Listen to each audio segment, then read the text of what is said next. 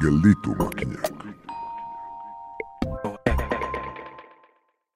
Botak lokatzetan, Iñaki Sanz azkurekin.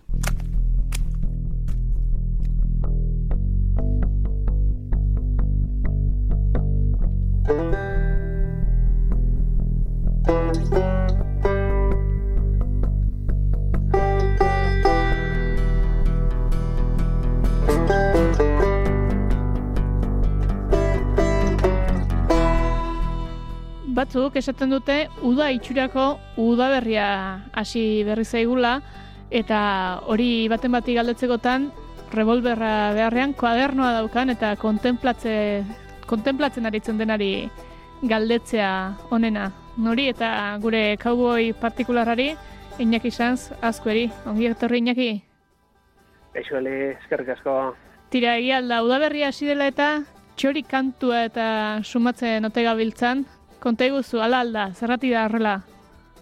Bai, bueno, nire kasuan mentzat ni esan ez du, bezala errebolberrik ez daukat eskuan, baino belarriak nahiko fina ditu gauza horietarako eta eta bai, bai, sumatzen hasia gaude txori kantu desberdinak, hainbat txori ere bueltatu zaizkigu, eta orentxe gozatzeko momentuan gaude, hemendikan datozen hilabete honetan. Bueltatu, nondi bueltatu zaizkigu ba?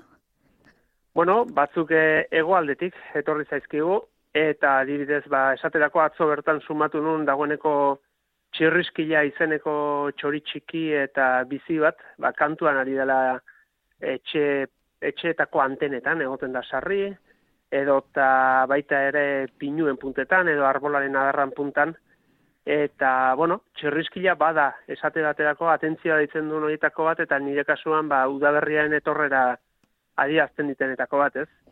Ez naiz bakarra, eh? E, ba, ahozko ondarean ere jasota jasota ditugu ba txirriskilari buruzko kontuak, ez? Kantu politia daukala, edo eta kantu politia bizi-bizia, eta aipatzen dute ere, eh? Horago nota fin eta azkarrak egiten ditula, klaskateko bat, pentsa, ze zorroztasunakin entzute Bai. zituzten batzuk txorikantuak. Bai, izen horrekin oso txorrotxiolaria edo dela esan gentzake, bala dirudi behintzat, txirriskila badu Bai. alako sonoridadea ere. Hori da, txori izen batzuk ere horla jarri izan dira, kantuaren arabera, eta hau da kantu, e, kasu horietako bat, ez? Txirriskilak, eta txirrist antzeko bat egiten du. Guri, baserri batean esaten ziguten, kraskateko hotz bat egiten dula, olioa frigitzean egiten duen berdintxua. Así que pentsa. Bai, zehatza. Alare, esan dizut nik udaberriarekin etorri dela txoriak, baina lehendik ere ari dira batzuk kantari ez? Zozoa aipatzen zen nigun aurreko batean.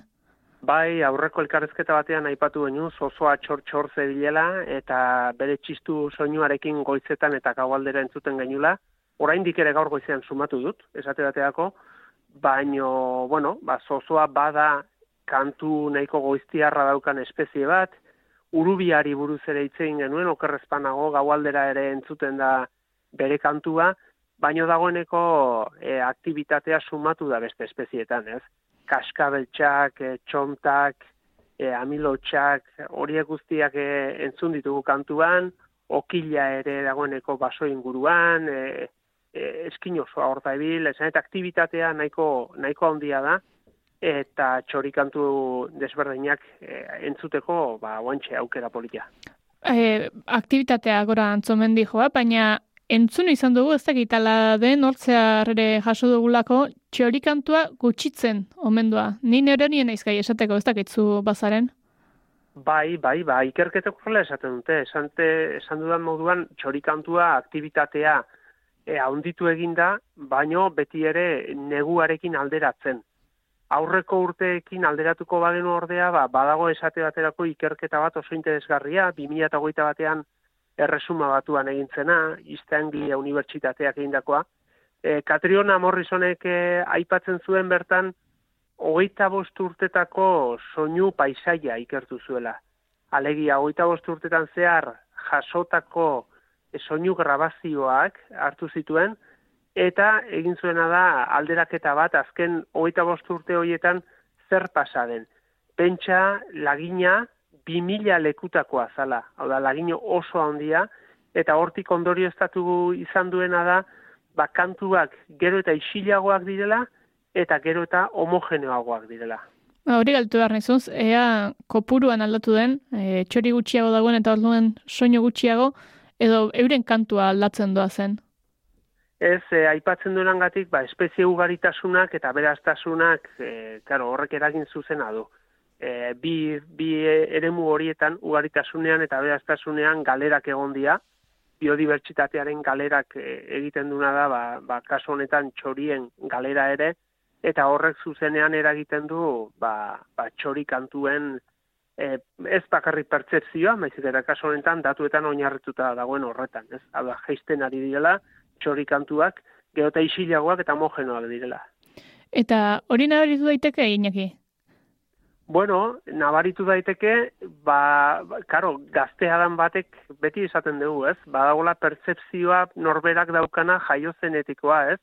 Hmm. Alegia, oain dala marrute jaio zen, ume batek, ba, bere oain dala urte gutxi edo orain entzuten duna antzekoa da. Baina badaukagu kasu berezi bat, eh, Hernani inguruan, Santa Barbara inguruko eh, pertsona batek kontatu ziguna, ez? Arek eokiko zituen dagoeneko eh, ia eun urte, eta pentsatu behar dugu beti, ba, baserri berean eh, bizitakoa zela, baserri berean ia egunero bertan esnatuko zena, eta ark behin eta berriz errepikatzen zigun, eh, ua garai batean zetzuna hau paradisu hauen esaten zigun, ez? hemen txori kantua goizero izaten zan ikaragarri. Eta orain berriz, orain berriz, esaten zigun, ba, asko jetxizara.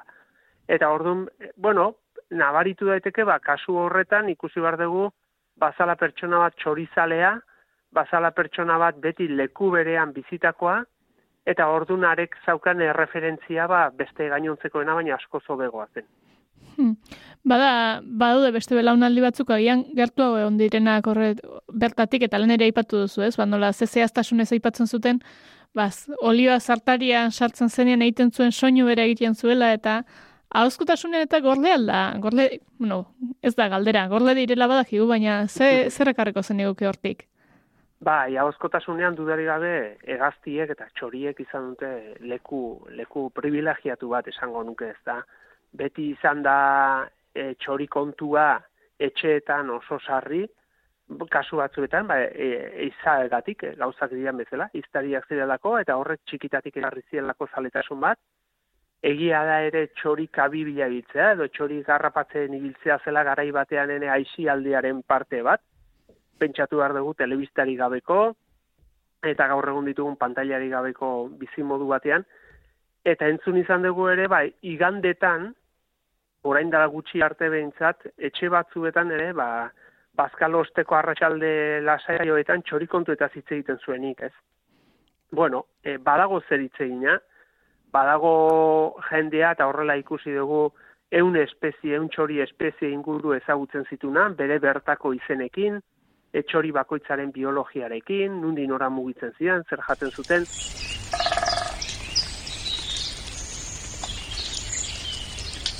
Eta baduzu, ba, adibide konkreturen bat, ba, izeneri buruz edo espezioriei buruzkoa? Bai, bueno, lehen aipatu dugu, eh, txerrizkelaren kasua, nola izenak berak hartzen duen kantuaren sonoritatearen ba, puntu hori, ez? Eta, bueno, horre, ezagunen artean ere, badaukagu, orantxe bertan, sare sozialetan ere, entzun dute, eh, jendea ari dela esaten kukua badatorrela edo etorri dela, ez?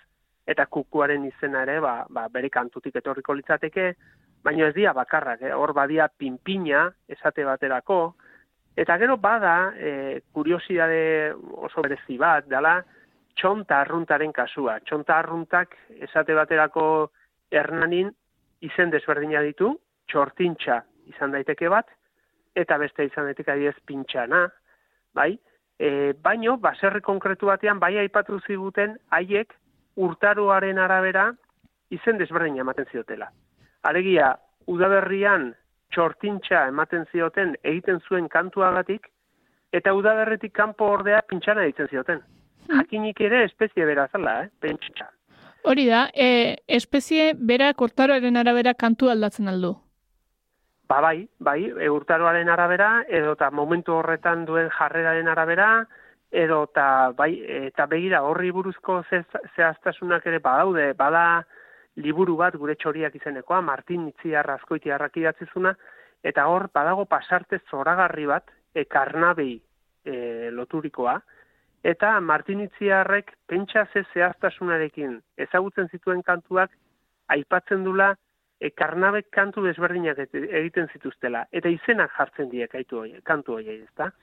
Aipatzen du batetik donarak jotzen zituztela, karnabek. Hau da, udaberri inguruan, sortzi amar donara edo jotzen zituztela. Baina gora aipatzen du, hilarak ere bazituztela, hau da, kantu luzeagoak. Eta aipatzen du karnabakoitzak eokiko zitula lau bost hilara. Baina ez, donarak eta hilarak bakarrik, popitekoak eta txintxiniak ere ba omen zituen, orduan, be, ikusi behar da ere momentu bakoitzean, dala azaltzen du, momentu bakoitzean kantu bat daukala, eta kantu hori ere aldakorra izan daitekela, eta urtaroaren arabera ere aldatu egin daitekela. Orduan, bueno, e, ikaragarria da txori kantuen mundu horretan dagoen e, ezagutza edo egon dena kasu batzuetan, eta bestetik nola mundu berri bat sortzen da, ez? Gero eta gehiago ezagutu egaztien mundua, orduan eta gauza gehiago irekitze zaizkigu. Ba, ba hori lujo bada, eh? Zenbat eta gehiago murgildu orduan eta sakonago da dela ikusteak, ba horrexekin itxiko dugu gure gaurko donara dituko diogu edo hilara izango da gaurkoa? bueno, ez dakit luze jundan, luze jun bada hilara beharko luke, bestela donarekin. ba, zurekin danak donara diela uste dut, beraz. Hemen txetiko dugu, eskerrik asko, Iñaki. Eskerrik asko zuei, Eli. Eli pagolarekin geldituko dituzu makinak naiz irratian.